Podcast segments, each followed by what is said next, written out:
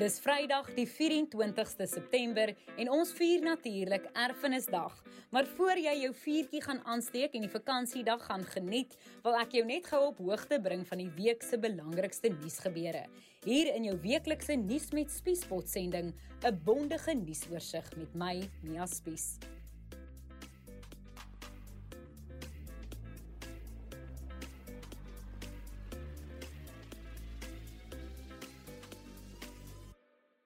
In 'n netedop, nou dat die registrasieproses afgehandel is, gaan politieke partye hardvry na stemme voor die plaaslike regeringsverkiesing.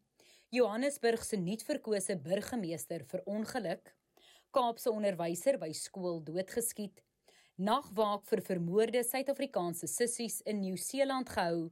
Zuma oorweeg strafregtelike klag teen staatsaanklaer in korrupsieverhoor. Afrikaans moet terug by Unisa beslis hof. En maar kan jy braaibroodjies maak? Net voor ons begin, as jy elke Vrydag hierdie podcast in jou WhatsApp inbox wil kry, druk net op die skakel in die plasing hierbo. Na verskeie hofsaake en hakplekke is alles nou in plek vir die plaaslike regeringsverkiesing. Volgens die verkiesingskommissie is 26,2 miljoen Suid-Afrikaners geregistreer om 1 November hulle kruisies te trek. Die verkiesingskommissie se hoofkiesbeampte, Sai Mamabolo. Final list of candidates will be published on the 29th of September and candidates will be issued with certificates on the 1st of October 2021.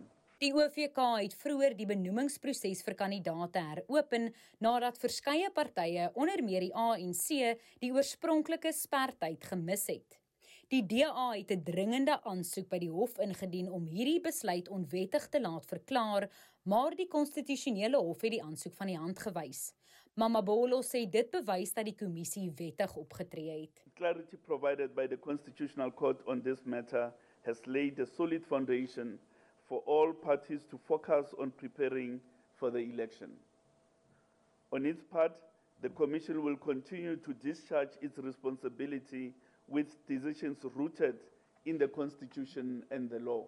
Die DA stel Saterdag amptelik sy verkiesingsmanifest bekend, die EFF Sondag, die ANC Maandag en die VF+ 9 Oktober. So gepraat van die Vryheidsfront Plus, die party het bekend gemaak dat Lennet Max, voormalige Wes-Kaapse polisiekommissaris en ANC-lid, sy burgemeesterskandidaat vir Kaapstad is. As colored and white people, we have to while the ANC is marginalizing us to stand together, take hands and to work together and to make sure there's a future for us and our children. Nou na Johannesburg waar die nuutverkose burgemeester Joledi Matongo verlede naweek verongeluk het nadat hy die ANC se verkiesingsveldtog saam met president Cyril Ramaphosa in Soweto bygewoon het. Hy was net meer in 'n maand in hierdie amp nadat sy voorganger Jeff Makubo aan COVID-19 gesterf het. Die ANC se waarnemende sekretaris-generaal, Jessie Duarte. Culturally, I'm having a difficulty discussing his replacement um, culturally. Even the process of his replacement, uh, I, I, just think there are just some things you, you do not do. So we'll wait a bit and then we'll decide how to go forward. Nou na Kaapstad waar 'n onderwyser hierdie week in sy voertuig in die parkeerterrein van die Heinz Park Primêre Skool in Philippi doodgeskiet is. Die 52-jarige wiskundeonderwyser Tulani Mankoi het in sy voertuig gesit toe twee verdagtes hom nader en skote afvuur. Die polisie is nou op soek na die mans wat van die toneel afgevlug het. Nou na Nieu-Seeland waar drie dogtertjies van 'n Suid-Afrikaanse egpaar wat onlangs na die land emigreer het, vermoedelik deur hulle ma vermoor is. Graham en Lauren Dickerson van Pretoria het vroeër die maand na Timaru in Canterbury verhuis saam met hulle drie kinders. Die drie dogtertjies is verlede donderdag oorlede in die huis gevind. Lauren is in hegtenis geneem in verband met die drie dubbele moord en is vir psigiatriese waarneming gestuur. Tydens 'n nagwaak wat donderdag vir die Dickinson sissies gehou is, is 'n brief van Graham voorgeles waarin hy sê dat hy reeds vir Lauren vergewe het. In this time of terrible tragedy and adversity, I can only ask for prayer for myself, my family and my friends. Prayer for strength and for healing. Please also pray for my lovely Lauren, as I honestly believe that she is a victim of this tragedy as well. Intussen het die Nieu-Seelandse regering gehelp dat familie van die Dickinson so vinnig as moontlik in die land kan aankom om hulle te ondersteun. Ek het vroeër die week met die kinders se voormalige oppasser, Mandy Sibanyoni, gesels. Then they happy. I never saw the wrong side of them. I don't know what happened now. I'm just left with the question. What happened? Nou na die Hooggeregshof in Pietermaritzburg waar die aansoek van oud-president Jacob Zuma se regspan dat die staatsadvokaat hom weens vooroordeel aan die wapenskandaal verhoor moet onttrek aangehoor is. Die saak is tot volgende maand uitgestel vir uitspraak. Zuma se regspan oorweeg dit nou om 'n strafregtelike klag teen die hoofaanklaer advokaat Billy Downer in te dien omdat hy volgens hulle vertroulike inligting aan die media uitgelek het. Maar die staatsadvokaat Wim Trengove sê daar is geen bewyse daarvan nie. Intussen het die konstitusionele hof verlede week beslis dat Zuma se tronkstraf nie herroep gaan word nie. Hy is vroeër tot 15 maande gevangenisstraf gevonnis vir minagting van die hof, maar is tans op mediese parol. Waarnemende adjunk hoofregter Sisi Kampepe. It is contrary to interest of justice to recall that matter to life by expanding the grounds of rescission and reconsidering the judgment and order handed down on 29 June 2021. It is unfortunate to say the very least that Mr. Zuma failed to bring the submissions with which he now arms himself to the Constitutional Court before we reach this point. Ons bly by die howe Die konstitusionele hof het hierdie week ten gunste van AfriForum in die saak vir die behoud van Afrikaans as volwaardige onderrigtaal by Unisa beslis. Die konstitusionele hof het die hoogste hof van appel se bevinding in 2020 dat Unisa se huidige taalbeleid wat slegs vir Engels as primêre medium van onderrigtaal voorsiening maak ongrondwettig is, gehandhaaf. Unisa moet nou sy taalbeleid verander om onderrig in Afrikaans in te sluit teen die begin van die 2023 akademiese jaar. Afriforum se Alana Bailey. Afriforum is natuurlik geweldig bly oor die Grondwethof se uitspraak wat basies die Hoogste Hof van Appel se uitspraak gehandhaaf het. Ehm um, dat die huidige taalbeleid van Unisa ongrondwettig is. Ons dink dit is 'n reuse oorwinning vir Afrikaanssprekende studente se taalregte aan openbare instellings maar definitief ook vir Afrikaans oor die algemeen en dan natuurlik vir die taalregte van alle studente.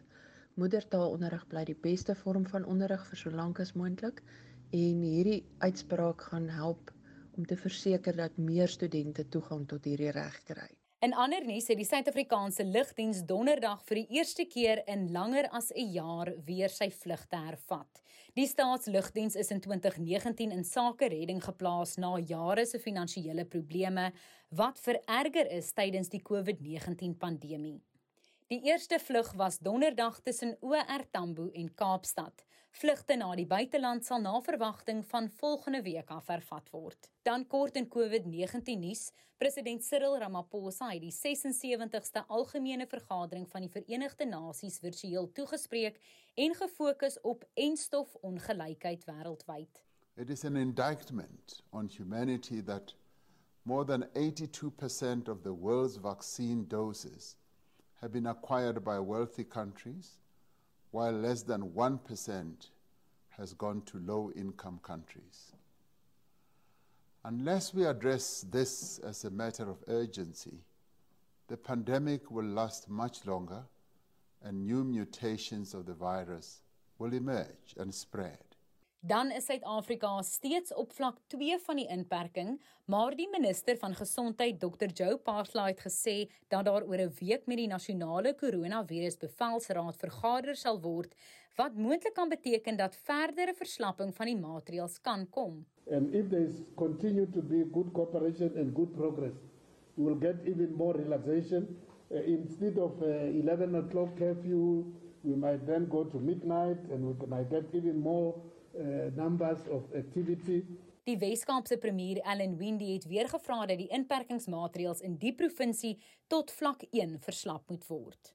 Dan laastens vier Suid-Afrikaners vandag Erfenisdag wanneer alle kulture hulle eie erfenis, geskiedenis, taal en tradisies kan herdenk. Dit is ook natuurlik 'n dag waarop Suid-Afrikaners saam braai en wat is meer eg Suid-Afrikaans as 'n braaibroodjie? Ek het vroeër hierdie week vir julle gevra om julle interessante braaibroodjie resepte te deel. Hier is Ben Momberg se legendariese braaibroodjie resep. Hy is van die Boerebraai restaurant op Stellenbosch. Ons klassiek een wat ons maar by die Boerebraai doen vir die laaste 15 jaar wat 'n groot sukses is op oomblik is Ehm um, gewoonlik maar breinbrood en dan het ons aan die een kant het ons 'n bietjie ehm um, mayonnaise aan die ander kant is ons bors chutney en dan ehm um, eie en tomatie mozzarella kaas want hy smelt baie lekker en dan ook lekker stadig op die kool dat alles dan lekker deur warm is en die kaas lekker gesmelt is. En vir die van julle wat lus is om te eksperimenteer, probeer Alisha Potgieter se gourmet braaibroodjie. Vir 'n lekker fyn proevers braaibroodjie, begin met twee sny witbrood of ciabatta. Smeer botter buite op die brood, eersins vir smaak, tweedens laat dit nie vasbrand nie. Sny reepies camembert of brie as jy hou van 'n skerper smaak. Plaas dit neer aan die binnekant van die twee snye brood. Plaas fyn stukkies ingelegde vy of gekarmeliseerde eie bo op dit neer en dan lekker bros spekstrokies. Sit die twee brode bymekaar en braai die broodjie en geniet. Nou dat jy op hoogte van sake is, is jy reg om te gaan lang naweek hou. Onthou daar is groot rugby môre. Die Bokke pak die All Blacks in die rugby kampioenskap. Nesmet Spies is 'n produksie in samewerking met die Potgooi Produksiehuis Volume.